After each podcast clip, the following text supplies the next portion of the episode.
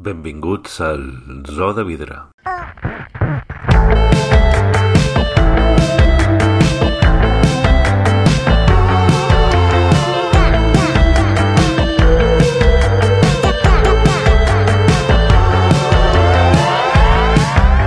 Volia escriure una cançó animada que tingués un ritme que es pogués ballar que transmetés una visió optimista i amb una lletra fàcil de cantar amb unes pinzellades d'ironia Més de 50 anys de teatre damunt les espatlles. Unes 70 obres, molts premis i, sobretot, l'admiració de milers d'espectadors. Josep Maria Pou és la història del teatre català contemporani. Ara, el Romea, en 78 anys, fa una funció de pes, diferent a les que ens tenia acostumats. És l'Andreu del Pare, una obra de Florian Zeller que és, segons molta gent, un dels millors textos teatrals escrit al segle XXI. Escoltem. Volia dur una vida endreçada jo volia deixar de fumar Volia donar dieta equilibrada i arreglar la meva vida sentimental i ser una persona. Hola, Josep Maria, com anem? Benvingut al, al Zoo de Vidre, el podcast de teatre del Temps de les Arts. Uh, com estàs? Com, com, va la, com va la vida? Doncs la vida va molt bé, la vida va molt bé i a més trobar-te tu ara en aquesta hora i parlar-me del Zoo de Vidre, que és una de les meves obres de teatre preferides de fa molts anys, molts anys, des de que era molt jovenet, doncs em dona un especial confort. Em sembla que estigui, estigui amb gent que conec molt. Explica'm, per començar, ara estàs fent el, el pare, el Romea. Sí. Explica'm una mica qui és aquest personatge de l'Andreu. Doncs és un senyor d'una edat determinada, no sé per què l'autor en el seu text marca que té 76 anys, eh, no sé per què exactament, en podria tenir 54 o en podria tenir 93, no és fonamental, però és un home que, mica en mica, comença a donar-se compte de que hi han coses del seu món que s'estan esborrant, que van desapareixent, i ell, eh, lògicament, això el comença a preocupar. La primera seva intenció, com crec que succeeix molt amb aquest tipus de malalties, és donar-los la culpa als altres. Són els altres els que estan fent coses, els que m'estan robant les coses, els que m'estan robant les imatges, els records, fins que és un home intel·ligent, per descomptat, se'n va donar en compte, i jo crec que aquests són els moments més dramàtics de l'espectacle, encara que són com petites punxadetes, se'n va donar en compte de que, de que no, de que per molt que ell protesti, per molt que ell pensi que tota la gent del seu voltant s'ha confabulat contra ell, alguna cosa passa dintre del seu cap que l'ha de portar a un final gens desitjable per descomptat. I, I aquest és el procés, veure el procés de degeneració d'aquest home, sobretot el procés de desconcert. A mi una de les coses que més m'agrada de la funció és veure com aquest home va descobrint mica en mica allò que ell mateix està negant contínuament, no? fins que de tot la, el gran sentit de l'autoritat, de tot l'emprenyament, de tot el poder que tenia al començament de la funció, doncs al final no li queda més que pràcticament el buit, el silenci i una única paraula que és mama. És una mica berjardià, aquest Andreu? En quin sentit?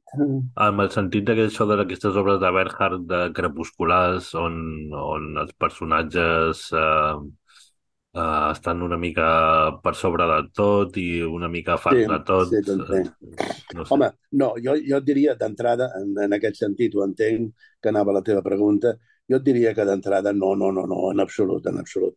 Els personatges de Bernhard, alguns veritablement odiosos, almenys per part meva, perquè són uns personatges molt, molt supremacistes que es creuen que estan sempre per sobre de tot, que ho coneixen més bé que tot, que són més intel·ligents que ningú i de més, molt discutibles, molts personatges de Bernhard. He de dir que a mi se'm fan bastant antipàtics molts d'ells. No n'has però- fet cap, tu, no? No, no, no, no, no n'he fet cap. Suposo que deu ser per això, entre altres coses. Cada vegada que veig un espectacle de Bernhard, el senyor Bernhard aconsegueix exactament el que suposo que es proposava quan l'escrivia. Aconsegueix um, emprenyar-me bastant, remoure'm bastant, remoure'm molt, sobretot perquè parla molt, lògicament, del meu ofici, que ell va conèixer molt, molt, molt des de dintre, no? I que, i que no li agradava gaire, tampoc. Però bé, tornant al principi de la pregunta, uh, no, no, no, aquest personatge no té res d'aquests personatges. Aquest és un home normal i corrent, amb unes ganes enormes de viure, amb unes ganes enormes, enormes de seguir disfrutant la vida. No, no, té, no té aquest sentit d'odiar la resta, de veure eh, lo malament que ho fan tota la gent que ho envolten ell és conscient de que tot això és a causa d'alguna cosa que no sap què és fins que mica en mica ho va descobrint. És un ésser humà molt vulnerable. És un, un home que es creia que era una columna de ferro o una columna de ciment, que es creia que era un monolito posat al mig d'una un, cruïlla d'una gran ciutat i que cap vent ni cap tempesta el podia fer moure ni remoure i que de cop i volta veu que comença a trontollar i sap que al final caurà. Però és un ésser humà molt vulnerable. Jo crec que és el personatge més vulnerable que he fet mai. Tu saps que he tingut eh, la possibilitat de fer i he fet aquest tipus de grans herois, des del sí, rei Lear fins al, al, al, al, al Sòcrates, uh, últimament aquell Cicerón o el Capità sí, sí. Ahab de Moby Dick, aquests sí, grans sí. personatges que d'alguna manera es construeixen des de l'exterior, des de fora, no? Els tens que començar a construir des de fora i arribar llavors a lo més íntim, quasi al final del procés d'assajos. En canvi, aquest personatge és un tipus de personatge que jo no he fet gaire, a mi em remet des del primer moment a un altre personatge que també era molt vulnerable perquè aquell estava boig d'amor i patia molt d'amor, que era el personatge de Cel Obert, sí, de Skylight. Exacte. Exacte. Jo crec que, sí, sí. jo crec i em fa, em fa il·lusió pensar que aquest personatge, al cap de quasi 20 anys, enllaça directament amb aquell. Són els dos personatges més vulnerables que jo hagi fet mai. De tal manera que traduint-ho a, una, a una manera, diguem-ne, d'exposició gràfica. Eh, en aquest cas és la primera vegada que jo surto en un escenari en pijama i amb, i amb sabatilles, és dir, mostrant-me de la manera més íntima que sóc capaç, pràcticament cosa que no havia fet mai, no? Acostumat a sortir sempre a l'escenari disfressat de grans personatges. I, i, i, com, com, i no trobes que t'ho has passat molt bé fent aquest personatge, en el sentit de que fer un personatge que és més uh, planer, potser més a prop de tu mateix, fins i tot, uh, que no fer això de, això de, de Rey Lear o de Capità sí. M'ho he passat molt bé, tens tota la raó, però aquest personatge s'ha de mm, fabricar a partir de lo més intern i de lo més íntim teu.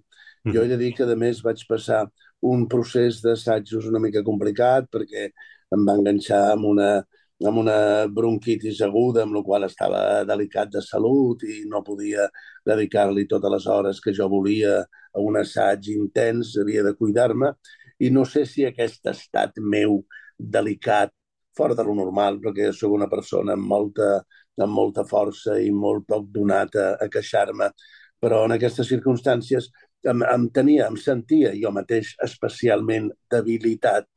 I he de dir que vaig estat treballant aquest personatge durant el procés d'assaig, acompanyat sempre de la mà d'en Josep Maria Mestres, el director, i dels altres actors que van fer molta pinya al meu voltant, amb una especial sensibilitat, amb un especial punt de debilitat que em va fer descobrir que dintre meu, a cada frase que jo deia del personatge o en cada situació que es plantejava l'assaig, jo tenia molta por em moria de por. És dir, estava, estava convençut de que allò que estava dient i aquelles frases que estava dient les havia escrit l'autor Florian Zeller, les havia traduït en Joan Sallent, traductor, i estava massejant una obra de ficció, però cada frase que jo deia em colpia molt especialment i no podia deixar de pensar en l'estat en què jo en aquell moment d'assaig em trobava. Déu meu, això em deu estar passant a mi. Això em pot arribar a passar a mi. No serà pas això el que m'està passant a mi en aquests moments que em trobo tan disminuït de salut, doncs en aquest especial estat de sensibilitat i de por, de por davant d'un futur, eh, és el que jo em vaig, em vaig moure per preparar tot el personatge. Mai havia jo estrenat un personatge on, te, on em sentís tan vulnerable, tan, que, on hagués tingut tanta... No, no parlo ni de l'èxit, ni de les crítiques, ni de ser ben rebut. Parlo del sol fet de sortir a l'escenari i jo, jo he de dir-te que en aquesta funció moltes vegades surto a l'escenari siguent conscient per fet de que estic fent una representació, però eh, no, no sé distingir massa bé si el que surt és l'Andreu, protagonista de la funció, o en Josep Maria, en pijama i sabatilles, que ve directament de casa seva i, i s'exposa d'una manera que potser no s'havia exposat mai gaire. És com si la vida s'hagués colat al teatre, doncs. Sí, sí, sí, aquesta és la veritat. Com si la vida s'hagués colat, com en el meu cas, després de 50 i pico d'anys de teatre, no s'hi havia colat mai. Jo et diria que mai ni, ni recordo fent aquella brutalitat del rei Lear amb aquelles escenes on jo inclús quedava absolutament despullat a l'escenari sota la pluja i de més, però jo mai m'havia exposat tant a nivell d'interioritats meves. De, és a dir, si d'alguna manera el públic tingués curiositat o algun estudiós de saber com és aquest senyor actor que actualment té 78 anys i que porta 55 anys de carrera, ho pot trobar, pot saber-ho veient el meu treball en aquesta funció. No ho trobaria en cap altra funció. N'estic convençut, n'estic convençut d'això. És una sensació raríssima que tinc al fer-la cada dia. La pròxima amb Valer Rigola dins la cança de fusta. La... Com? Que va de Rigola, dius? No, no, que la pròxima obra l'has de fer l'Àlex Rigola dins la caixa de fusta. Ah, ja, ja, la caixa de fusta. No, no, no, no, no, perquè això ja és una altra cosa. Això ja és un altre concepte del teatre. Però és diferent. No parlo jo d'aquesta identificació de l'actor al personatge màxima que busca el Rigola i els seus actors tancats dintre d'aquesta sauna finlandesa, sinó, sinó que eh, és, un, és un procés de voluntari, voluntari de l'actor de, de sortir, de, de saber que hi ha molt poca distància o pràcticament cap entre el personatge i tu dintre d'una estructura, com és el cas del pare, molt més convencional que no pas el d'aquest espectacle que ha fet últimament l'Àlex Rigola. És el teu últim protagonista? Eh, jo m'agradaria poder dir-te que sí, en el sentit de que ja fa temps que estic dient que un va complint anys i que ja són molts anys de feina i que jo tinc una mica la sensació de que ja he complert. No de que ja he acabat o de que s'ha acabat el que havia de fer, però sí és veritat que tinc una mica la sensació de dir Bé, porto més de 70 obres de teatre estrenades, deixant a part les hores de cinema i televisió. Per mi el que compta realment són les hores a dalt de l'escenari. He passat per tot tipus de personatges, per tot tipus de directors i autors. Crec que he aconseguit mantenir al llarg de 55 anys una línia molt clara, almenys de voluntat o interès cap a uns nivells de qualitat alts i, i, que, i que contribuïssin d'alguna manera eh, amb el meu compromís amb la societat més enllà de la meva vocació i del meu ofici i crec que això ja ho he fet, ja ho he fet que no tinc per què seguir-ho fent molt temps més, que ja hi ha altra gent que té que agafar el relleu i que ho ha de fer i, i amb aquesta sensació estic. El que passa que també és veritat que encara ho he comprovat ara, que jo ja havia pres més o menys la decisió després del Cicerón de, de no fer res més, pràcticament. Però quan em van oferir aquesta funció del pare, que he de dir que no va ser un, una, una iniciativa meva, sinó que va ser una oferta, eh, vam haver de treballar molt per convèncer però em vaig deixar convèncer i vaig comprovar un cop més que sóc un home de voluntat dèbil perquè em deixo convèncer bastant fàcilment. O sigui, que si surt, si surt un altre personatge que em pugui interessar i que pugui i que jo adivini que aquest personatge o aquesta funció em pot arribar a trasbalsar i ajudar-me a descobrir coses noves que no he descobert, que no havia descobert encara al llarg d'aquests 55 anys d'ofici, doncs és possible que, que caigui una altra vegada en la tentació. I, i quines coses t'han quedat per fer que t'agradaria fer ara? Si algun personatge, alguna obra, perquè tu sempre tens un calaix ple de, de sí, futuribles. Home, el que passa és que aquests futuribles són tan amples, aquests calaixos han anat creixent tant que és impossible, amb tres vides que tingués, poder-los fer tots, no? En això sí que sóc molt ambiciós. Cada vegada que veig o llegeixo un gran text, tinc ganes de fer-lo jo i no de que el faci un altre. Llavors, altra cosa és si es té que plantejar, si això es concreta en una representació i llavors ja tu has de pensar millor el dedicar-hi uns mesos de la teva vida. Però d'entrada, en la simple lectura d'un gran personatge o d'una gran funció, sempre tinc ganes de fer-lo i sempre el poso en el meu calaix de futuribles. Ara, en aquest calaix de futuribles eh, hi han alguns personatges que hi són des de fa molts anys, molts anys, i que no han aconseguit mai sortir del calaix per una pila de coses rares, per les circumstàncies. Jo hi va haver un moment de la meva vida en què mm, tenia unes ganes enormes, enormes, enormes de fer eh, el Tirano de Bergerac, per exemple, que l'han fet altres grans actors i que a mi em sembla que és un dels personatges, parlo del personatge, no ja de la funció, que mm. també però un dels personatges més complets que s'han escrit mai, que fa un viatge fantàstic. I hi ha altres personatges, per exemple, la meva, la que jo crec és una, una definició molt particular meva, un, un amor molt particular meu, però el que jo crec que és potser la millor obra de teatre que s'hagi escrit, no et diria mai, però en totes aquestes enquestes que a vegades es fan, en totes les enquestes que es van fer en un moment determinat, fa uns pocs anys, el, el canvi de mil·lenni, de quin era el millor eh, text teatral del segle XX, o sortia en número 1 a tot arreu, que és La mort d'un viatjant d'Arthur Miller, que és una de les obres millor escrites, jo crec que és l'exemple més perfecte de tot el que ha de reunir el teatre, de lliçó de vida, de tot tipus de construcció dramàtica, doncs, i aquell personatge de Woody Loman jo hauria donat mitja vida per fer-lo en algun moment. vaig tenir, vaig tenir oportunitat, me'l van oferir un parell de vegades, he de dir, i amb gran dolor, però moltíssim dolor, vaig haver de dir que no, perquè estava compromès ja anteriorment amb altres coses, i si alguna cosa sóc jo, o intento ser, és molt fidel i molt complidor dels meus compromisos. No? Eh, ara ja no, ara ja no el podria fer, entre altres coses, perquè el, el Willy Loman, que és com si fos un amic meu que m'ha acompanyat tota la vida, Willy Loman, de la mort d'un viatjant, és un home d'uns 50 anys màxim, perquè té dos fills de 20 i pocs anys, o sigui que ara ja seria molt difícil, ara hauria de ser l'abuelo d'aquells nanos. Bueno, jo, ja, jo, ja... jo la vaig veure, la, la vaig veure a l'Alfredo Alcón. Sí, a ah, Buenos, bueno, a Buenos Aires fent-la amb l'edat més o menys que tens tu ara. Sí, és sí, que sí, sí, impossible res. Sí, sí, és veritat. Sí, bueno, ja sabem que el teatre no deixa de ser una manera d'enganyar primer a la gent i llavors d'autoenganyar-se a si mateix. Sí, sí, i estic segur que el públic també ho acceptaria, eh? perquè partim d'un cert convencional, d'una certa convenció, però seria jo el primer que em sentiria incòmode jo no, no seria capaç de fer-ho. Però pots fer l'amor d'un viatjant com a director?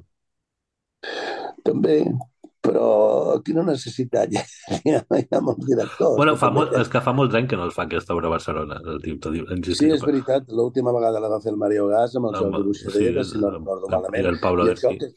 Exacte, i això que és una obra que és, forma part del repertori universal i l'estan fent a tot el món contínuament, o sigui, a la cartellera de Londres i de, però en aquest moment a Broadway hi ha un muntatge fet completament amb un repartiment d'actors eh, d'actors eh, d'actors de color negre. Eh, un muntatge que es va estrenar a Londres la temporada passada. S'han fet tot tipus de variacions al voltant de la mort d'un viatjant. I sí, sí, potser... Però bueno, també és veritat que m'agafen un moment, com t'he dit al principi, que posats a la balança pesen molt més les ganes de descansar i anar-se retirant lentament. Jo no em retiraré fent un últim concert com el Serrat, ni tres últims concerts. Déu me'n guard al Palau Sant Jordi, primer perquè no és el cas, lògicament, cadascú té que saber el, el lloc que té en aquesta vida, però sí t'he de dir que a mi m'agradaria anar-me allunyant d'aquest ofici sense que ningú se n'enterés. Amb passetes molt petites, potser amb aquestes mateixes sabatilles que porto ara per fer el personatge, que no fan soroll. Jo dic fa temps que els dic als meus companys quan parlem d'aquestes coses, el dia que jo faci l'última funció, no ho sabrà ningú més que jo.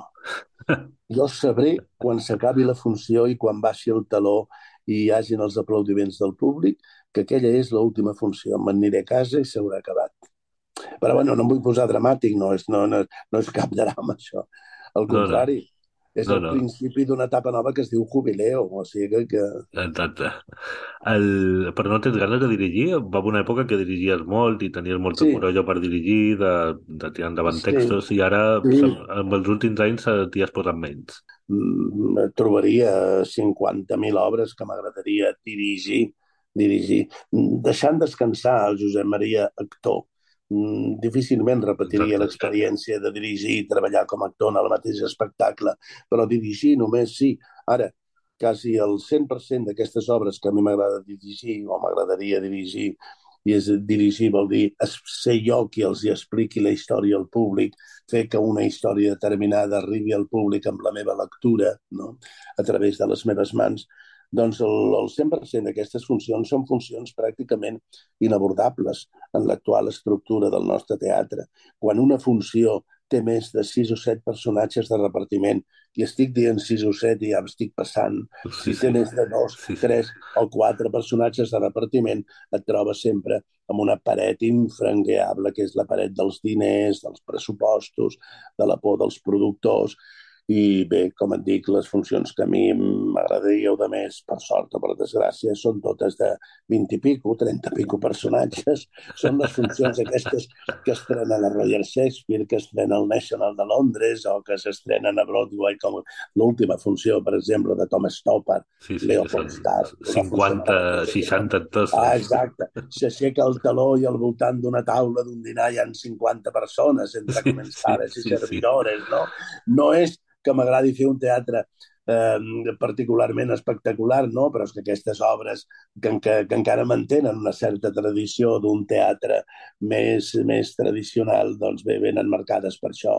Hi ha una altra funció que els, els últims anys ha estat un èxit també a Londres i Nova York, que és aquella que es diu d'Inheritance, l'herència, sí, sí, sí, sí. treballosa funció construïda més o menys a l'estil d'Àngels d'Amèrica i que té molt que veure amb allò que no entenc encara, com no s'ha fet aquest país, algú hauria de fer aquesta funció. Ha, està traduït al castellà i tot. Hi ha un sí, llibre. està, publi i està publicada, public, cosa, publicada, cosa sí, curiosa, sí. cosa curiosa, sí, sí, sí. la qual cosa facilita que molta gent del teatre la pugui conèixer. Jo suposo que l'únic motiu pel qual aquestes funcions no es fan i no es farà mai tampoc el Leopoldstadt de Tom Stoppard ni altres coses eh, doncs és precisament per això, per, per, per qüestions econòmiques. Les podria fer, les podria fer un teatre públic, però els teatres públics sembla que últimament, tant a Madrid com a Barcelona, estan mirant cap a altres cantons. Cantons pocs, diguéssim, eh, bueno, com diríem, una mica mariquistes, no? Potser. Sí, més o menys, més o menys, més o menys, sí, sí, sí. Deixem-ho així. Deixem-ho així. Molt bé, Josep Maria, doncs uh, fins aquí el zoo de vidre. Uh, moltes Molt gràcies pel teu temps, la teva conversa, que sempre és molt agradable. Ja saps que una de les coses que més m'agrada és xerrar del que m'agrada amb gent que m'agrada, o sigui que cap problema, quan vulguis repetim. Moltes gràcies. Adéu, adéu, adéu.